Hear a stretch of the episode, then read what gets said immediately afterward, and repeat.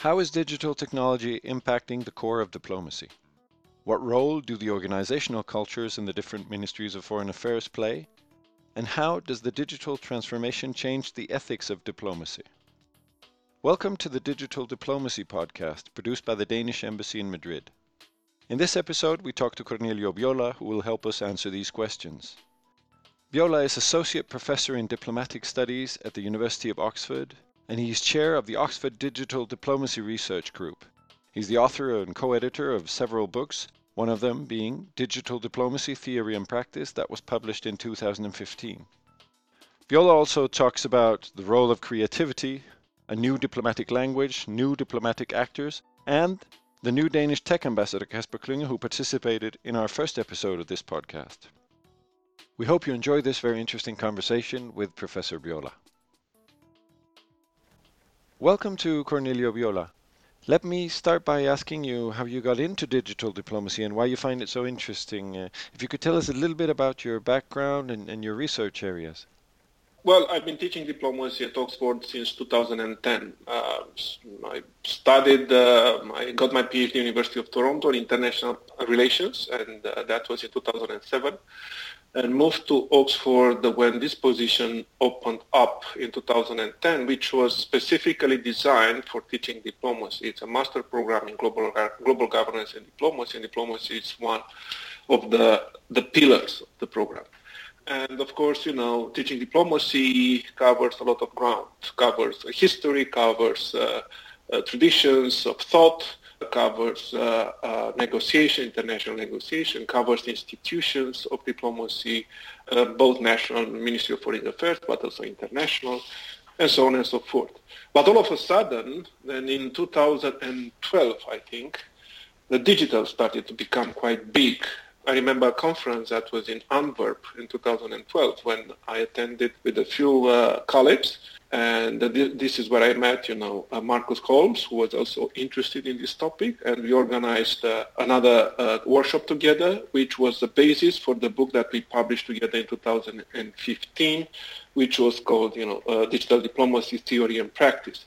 So basically, it started with um, paying attention to what's going on in the Ministry of Foreign Affairs. And uh, there were a few pioneers at the time. Of course, you know, the, the U.S. Uh, State Department, which was the leader the FCO, uh, but also there were a number of other countries. And what struck me were actually small countries paying a lot of attention to this phenomenon, like the Dutch, for instance, at that time.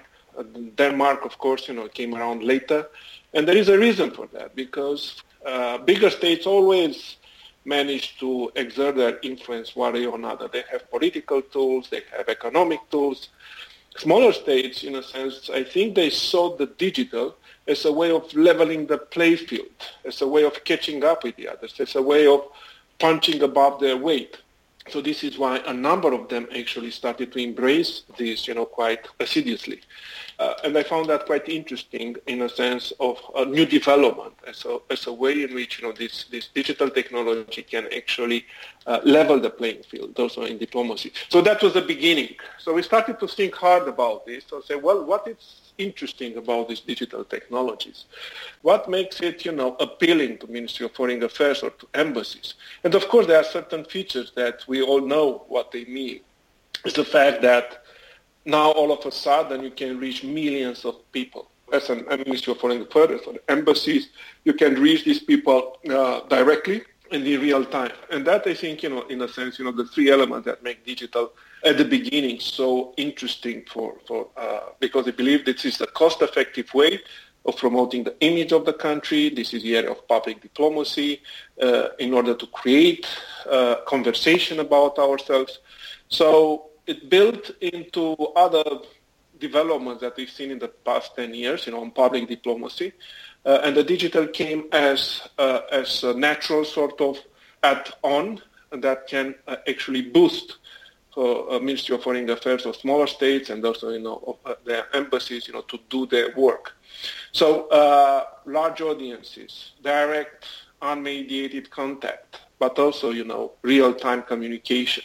So as as a result, when we started to explore this, you know, how this digital, you know, works, we saw that there are some low-hanging fruits for the Ministry of Foreign Affairs. One I already mentioned, which is, of course, you know, public diplomacy.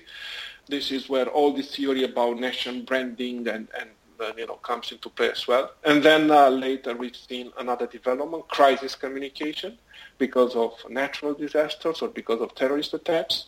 These tools offer an excellent opportunity basically to be of use in such situation, not only to make sense of the crisis, of how this crisis unfolds in real time and to understand what is going on, how, whether your nationals are involved, in what uh, capacity, but also how to help them within the Canadians, uh, but also the Americans, uh, using these kind of tools, uh, not only uh, uh, terrorist attacks, but also natural disasters. The earthquake in Nepal, it was one of the first time when these kind of tools were deployed by Canadians and Americans quite efficiently. Uh, and then, you know, in Europe, the terrorist attack in the past two or three years, you know, these tools started to, to gain a lot of attention. We've seen, you know, for instance, in Belgium, the Center uh, for Security uh, creating special account that can inform population in real time. So that was the second element. I organized also, um, I established because of my growing interest in this area, a digital diplomacy research group with my PhD students, and we started to organize various events uh, to discover actually by communicating, interacting with practitioners, what's on their minds, how do they see digital, and what I discovered, for instance, another area in which you know embassies started to work on, it's diaspora engagement. Some of the countries, you know, in Africa or developing countries, rely on uh, uh, remittances, you know, coming from their communities, and they started to uh, employ these, these uh, platforms, Facebook largely, but also other applications, basically to stay in contact uh, with them and to facilitate these kind of interactions.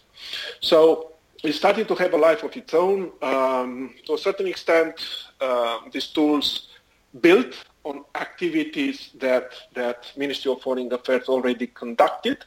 So from this point, that goes to the question of uh, of whether you know the digital is sort of a new paradigm or is something that uh, uh, is just improving the way in which uh, which uh, diplomacy works. So from this point of view, I think some of the activities are indeed improved. You have better communication and better uh, capacity to reach out to people and, and audiences of interest. So that's that's one thing. At the same time, I think it started to add uh, value uh, to areas that uh, might not have been uh, considered, you know, as diplomatic or, or, part of the diplomatic realm as before.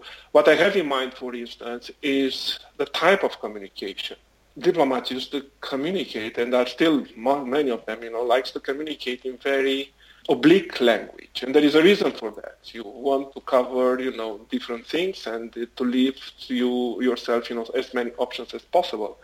But now with the digital, there is a digital diplomatic language, isn't it? Uh, in which you have to talk with uh, with the audience uh, directly in very short. There is short attention span. Uh, there is also uh, the language of emoji, for instance, the symbolism of that. So there is something about how this kind of new communication actually started to be absorbed by the diplomats and whether they like it or not. And how do you think they're doing? Well, um, it always goes to the question of how technologies are being absorbed. And that applies not only to diplomacy, but also, you know, in corporations, in business, and when there is a new tool, people may look at it. It is just a passing fad. It is something that comes and goes, or is something that I should really pay attention to. And to a large extent, people think that, well, you know, uh, this is just a matter of seeing the efficiency of the new tool. But what I argue, for instance, some of the articles uh, I've been working on, or, um, is that to a large extent that depends also on on the organizational culture of the, of the institution. What I mean by that is that Ministry of Foreign Affairs are very traditional institutions.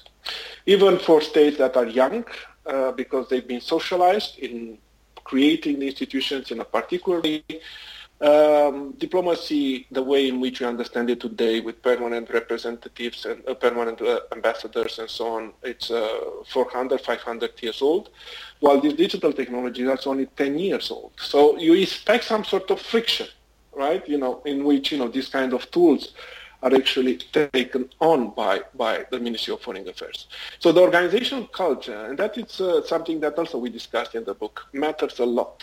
Uh, if you are a, an institution that is flexible, that it's agile, that it's forward-looking, that it's innovative, I'm giving the example, for instance, of the State Department uh, or even FCO, then, of course, you know, these kind of new tools are not considered a threat, but more an opportunity. On the other hand, if you see, if you learn to do things in the old school, right, and I, this is based not on impression, it's also based on conversation with, uh, with senior diplomats. Uh, if you are in the part, you really believe in the old school of diplomacy, you see these kind of new tools as, as toys, as, as something, a distraction rather, right? And I think you miss an opportunity here to understand. So the organizational culture is one key variable that may explain why certain Ministry of Foreign Affairs were more ready to embrace this kind of tools than others. Uh, but I think, you know, the genie now is out of the bottle and uh, uh, more and more countries actually uh, learn that, you know, if you are not part, if you don't learn to these tools, you're going to miss a lot. Is that, that when you talk about in one of the articles you wrote, the, the most fascinating aspect of technological disruption is its remarkable capacity for both destruction and creation? I mean, is that the way you see it? Uh, absolutely. Technology, yes, provides opportunities. As I mentioned some of them, you can now do things with these kind of platforms that, you know, diplomats 50 years ago could only have dreamt, dreamt at, right? But at the same time, um, you have to be prepared to do this. In terms of the embassies, uh, you have to, to be able to take risk. Uh, this is a, a, shift of organizational values to a certain extent, and we can talk about the ethics of that as well. The point I make, I'm trying to make here, is um, the fact that uh, working as an institution, uh, uh, certain things have to be uh, let go. You cannot work in the digital age and use, you know, the same, you know, traditional ways of signatures and stamps, you know, that have to come on every single paper.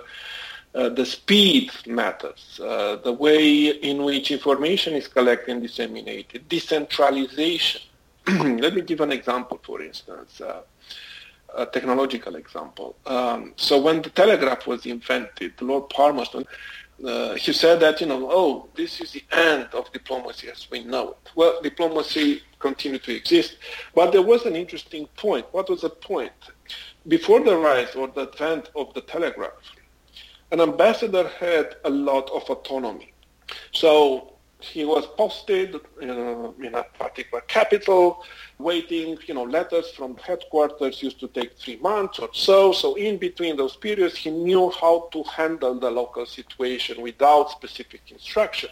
But with the telegraph coming, then that type of autonomy sort of you know, disappeared or it was significantly reduced because now he could got instructions immediately, you know, for the headquarters. And that led to a transfer, of course, you know, of authority from the embassies to uh, headquarters. What we see nowadays, you know, with the digital, it's exactly the opposite. Now you have, you know, in the embassy, you have to engage with the public, you have a crisis, you have to handle it. Uh, in a sense, you know, um, basically that type of autonomy and creativity is restored at the level of the embassy. And the, the reason for that is that, you know, the headquarters cannot handle uh, a huge amount of, of requests that comes, you know, from all embassies. How do I do this? How do I do that? So there is a little shift in the sense that embassies uh, uh becoming, in a sense, you know, more autonomous, uh, and the digital empowers them to do this. I wouldn't uh, go over the board with this and say, well, you know, now, you know, the ambassador are like, you know, completely have discretion over things. Uh, but I think you can feel that, that, that there is something of uh, increased autonomy. Uh, there is also the point here of creativity that we have to understand. You cannot centralize. You cannot these are these technologies um, is not only the problem that you have to communicate fast, but also the fact that you do this in a very competitive environment. It's not only you talking with a particular public, there's also embassies of other countries doing the same thing. So you have to find your own voice. You have to be authentic. You have to be creative. And what I'm, the point I'm making here is that if this kind of creativity is not supported by the headquarters, if they don't trust, you know, their digital diplomats to be responsible and do and uh, delegate to them, you know, more autonomy, uh, then you know that type of command mode, you know, uh, will deprive embassies from, will basically uh, prevent them from doing a good work. I follow, for instance, uh, in one of my uh, the, the, the, research that I'm conducting, uh, how embassies and Ministry of Foreign Affairs try to uh, cope with the problem of um, this perceived loss of control. So what they try to do, because you know, in a sense, uh, I understand the, the concern of Ministry of Foreign Affairs. So if a mistake is done by the digital diplomat, and mistakes always are done, right? I mean, post something and then that embarrass the embassy or embarrass the country, then of course, you know, there is accountability that hits. So there is a, a tendency basically to, um, to see how to create an environment on the one hand in which creativity and discretion is preserved, but on the other hand, there is also, you know, accountability. Mm. And most ministries, and probably, uh, you know, the Denmark, I think, has, uh, has one as well, uh, they develop codes of digital practice. What I found fascinating about this code of digital practice, which I you know looked at different countries, is how varied they are, right? And it goes back to the point I make about organizational culture. If you are, as an institution, are more risk uh, averse, then you know you insist on having very strict mechanism of control and accountability. If you are more open and uh, risk tolerant, then you know you leave more discretion, you know, and you are more flexible.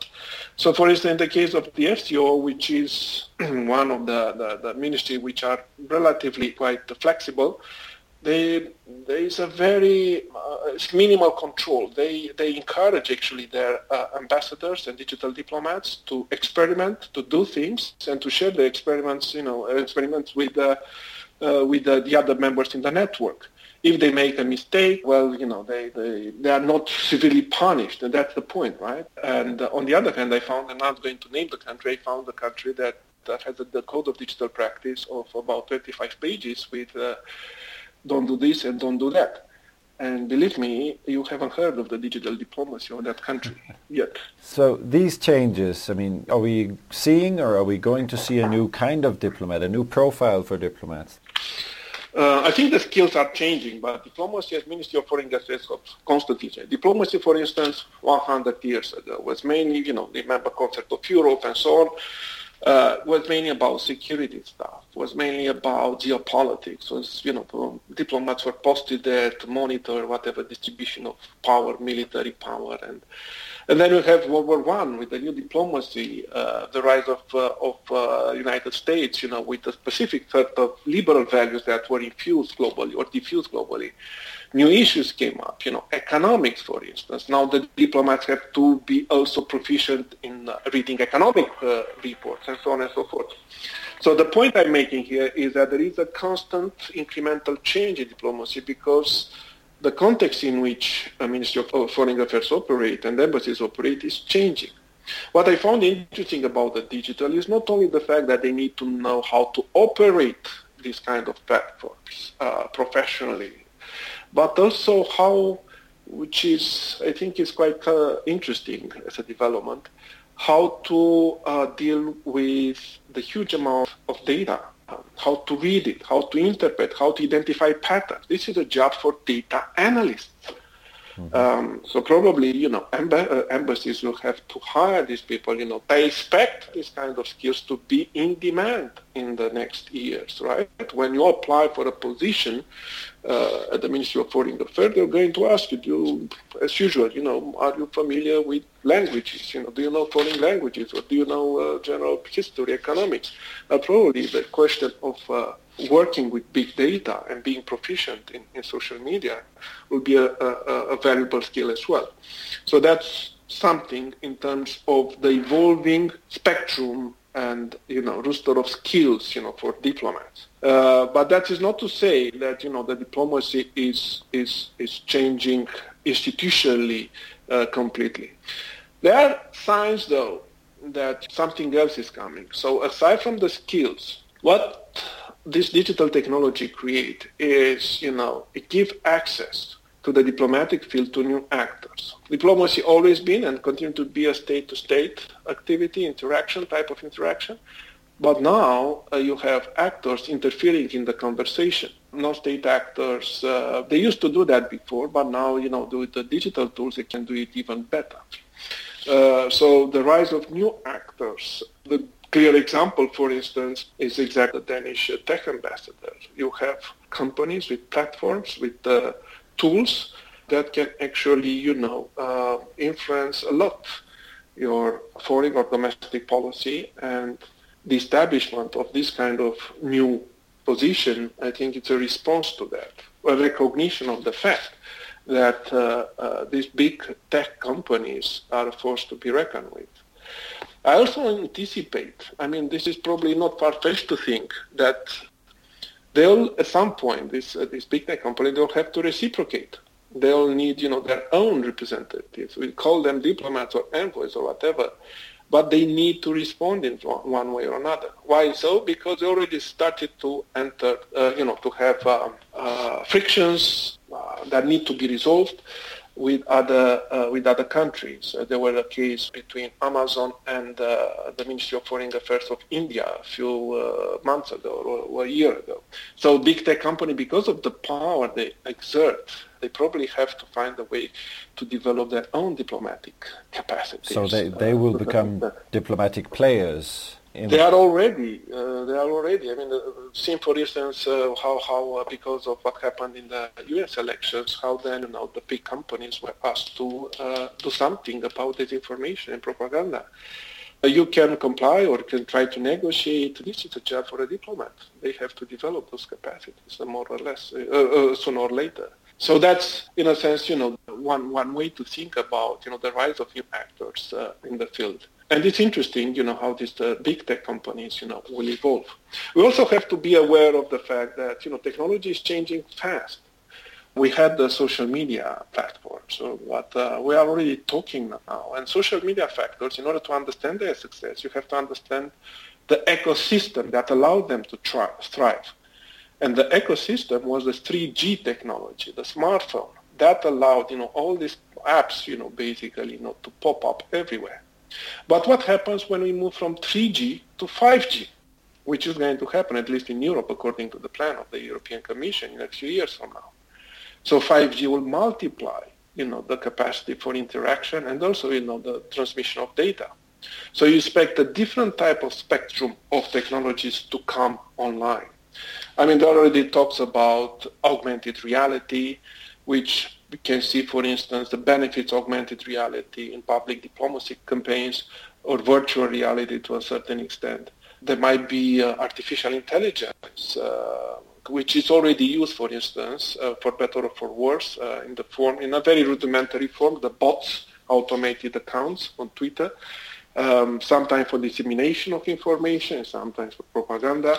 Uh, but artificial intelligence could take a big leap with 5G.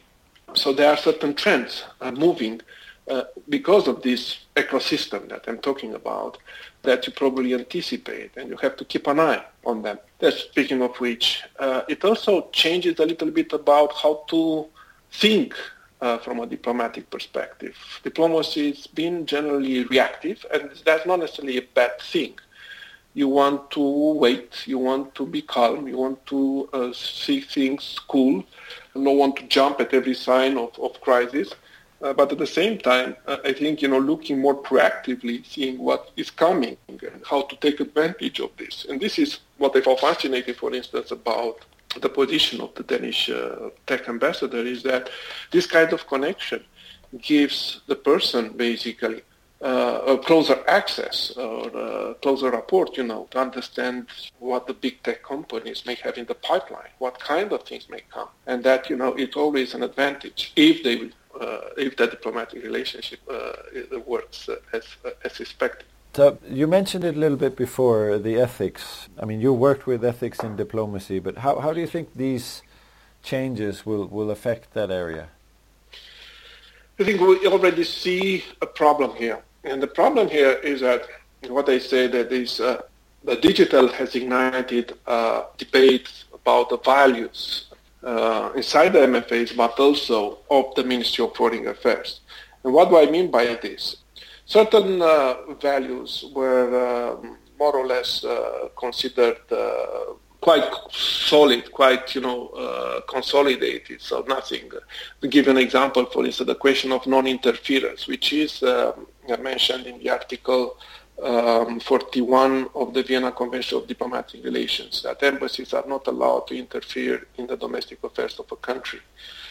Well, how are going to observe this kind of rule uh, nowadays in the digital, when you know the digital basically encourages to do exactly that, to violate that particular norm. You engage with the public, you engage, you know, you may not criticize the government, but we've seen that you know the, the, the lines um, are becoming a bit blurred from this point of view.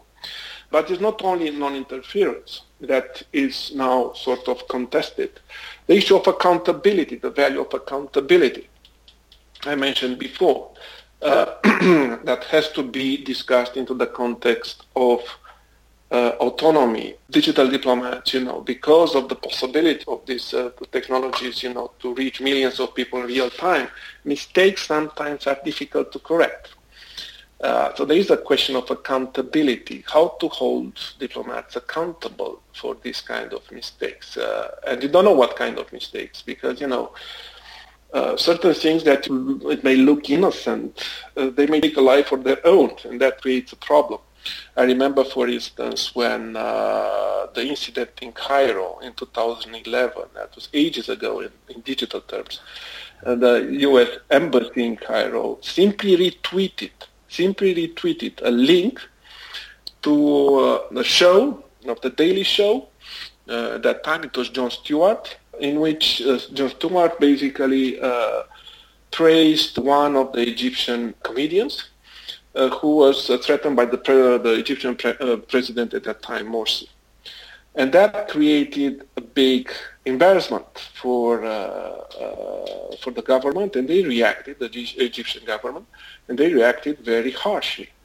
Well, this is what I'm saying. There are certain things that may look innocent, and because of the context and because of the sensitivity of the government, you know, uh, across government may go very badly. So it was, uh, I understand that, you know, initially because it was at the beginning, the embassy actually deleted the tweet and then, then deleted the entire Twitter account. They panicked and then they restored the account. It was a total mess. But no, that uh, brings up the, the issue of accountability. How to set these kind of boundaries in a way, as I mentioned, because yes, basically you may say, well, whatever you tweet, it has to be approved by, by the chain of command. But in that case, you know, it's a lot of the, the digital component. What, what yeah, about sorry. the issue of uh, transparency? Uh, the, these new technologies and the way they're used open up the ministries of foreign affairs and the diplomatic work to, to more scrutiny.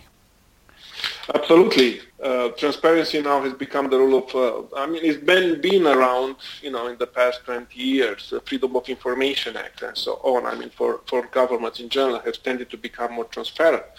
And I think, you know, now uh, what the digital has changed, especially in relation to diplomacy, is not the fact that, that you have to be transparent about your activity, is that, you know, even secret negotiation and back channel negotiations uh, uh, sooner or later, you know, become public.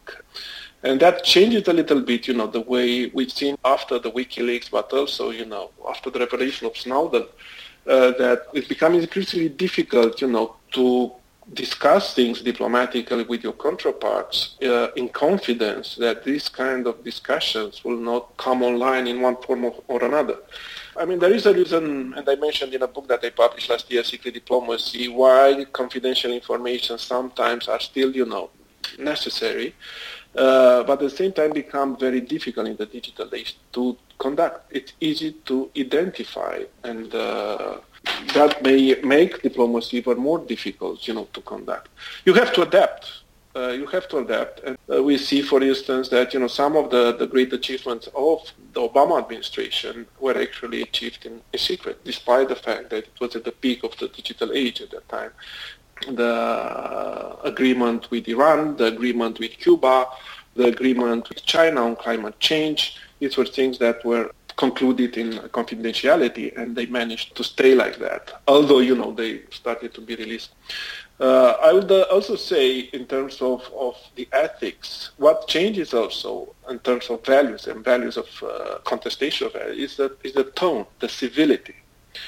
Diplomats used to have, as I mentioned, a specific type of language, and there is a reason for that, uh, why diplomats used to speak uh, elusively and in very formal terms. And now there is a, a, a sense that because of the access to large audiences, there is something at loss uh, in this perspective, that the tone can degrade quite uh, easily, that you know the the trolls can uh, push you off the message. That's a challenge, and it affects not only the, the tone, the civility, but also the privacy of diplomats.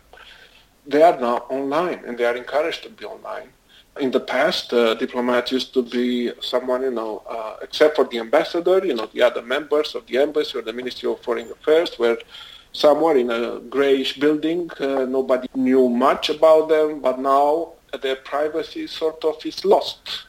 And I'm not trying to exaggerate here, but, you know, there, there is something to, to be aware of. And uh, especially when you, as a diplomat, work in uh, in a country or in a place that may uh, may be quite challenging. I'm, I'm, I'm mentioning, for instance, the uh, case of the former U.S. ambassador to Moscow uh, during Obama. He has been constantly trolled online, uh, and he basically couldn't do his job. He had to uh, be replaced because the entire situation was becoming totally unproductive.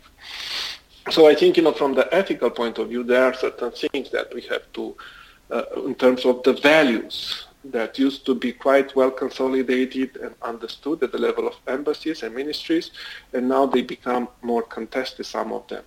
I will also mention there is a, a big elephant in the room, which some people started to pay attention to, the question of data. We work with data. This is what digital people do. We take data, but there is a question about the, the, the ownership of the data which affects mainly, you know, business and corporation, but it may come to a point when uh, this kind of volume of data uh, has to be considered as well. When you aggregate data, especially when you try to read your audience and try to segment your audience in order to tailor your message be- uh, uh better, can you do that without any ethical or legal complications? Uh, so the question of data ownership big data ownership uh, uh, is probably also likely to, to become uh, more relevant in the future.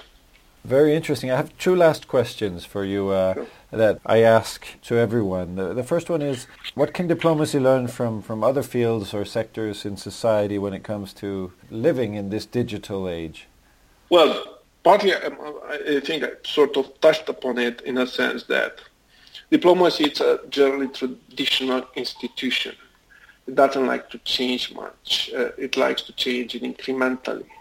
What do I think is missing, what I think you can learn from other sectors of the society, especially in business and others, is to redesign creativity and reabsorb creativity and innovation. In a digital age, you cannot do things in the same old-fashioned way. There is a place for old-fashioned way, but there is also a place for learning to be creative, to be innovative, to recruit talent that can do this. Uh, it's a very dynamic environment. You don't have the luxury of time here. Creativity and, and, and innovation, I think there are two things that I'll, I'll consider to be a must as a way of changing the institution from inside. So that will be one, uh, one aspect of the digital transformation. Mm-hmm. What others can learn from diplomacy, I think there is value, especially in the context of the digital. I, I didn't mention one big negative aspect of digital is the polarization of the online publics. The fact that uh, now digital platforms uh, create uh, makes easier for echo chambers to uh, be established. So when you basically populate or inhabit areas that uh, reconfirm your point of view and your biases, and I think what we can learn from diplomacy for diplomacy is a return to, to a sense of, of uh, and a taste for uh, cultivating pragmatism and tolerance of different points of view. I think that that makes many aspects, you know, diplomacy successful.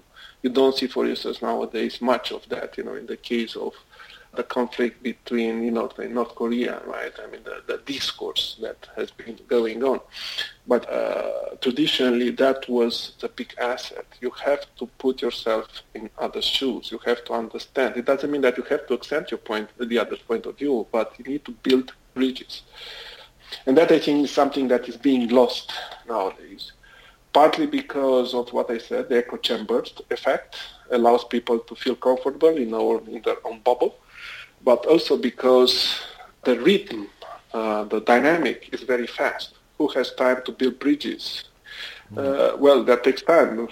Build a relationship. It's it's something that, uh, like reputation, right? You can destroy very easily, but you can build one. You know, quite quite uh, takes a lot of time. So that sense of common sense of pragmatism and cultivation of respect and mutual understanding, I think, has to be renewed, and it's something that you know diplomacy always been uh, good at. Thank you. You answered my second question as well. So uh, thank you very much for uh, talking with me here today. It's been a very, very interesting chat and uh, well, looking forward to following your work on digital diplomacy and how diplomacy evolves. Great. Uh, thank you very much, Michael, uh, you know, for inviting me. I'm great to hear, you know, this kind of initiative. This is part of my interest, you know, trying to find out how things, you know, are moving.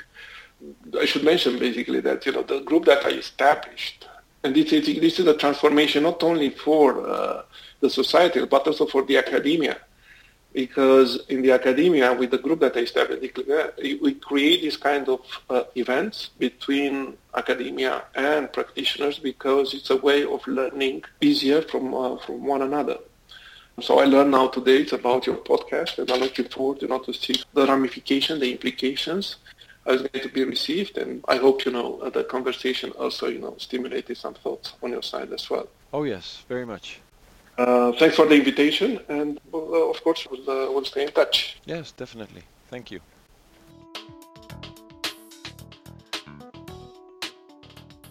Thank you for listening to this conversation with Corneliu Bjola in the second episode of the Digital Diplomacy Podcast. You can find more information about Professor Bjola and his work in the show notes. We hope you liked the interview and that you will share it on social media with others that you think could be interested. If you have a little time, please write us a review in iTunes or give us a like in SoundCloud, whichever you prefer to use, so that we can start getting traction and reach many more people around the world and continue building a community where we can discuss and learn more about diplomacy in the digital age. We'll be back soon with more interviews with interesting perspectives on the way diplomacy is changing, evolving, and adapting to the disruptive changes that our societies and international relations are undergoing these years. Until then, we wish you all a Merry Christmas and a Happy New Year.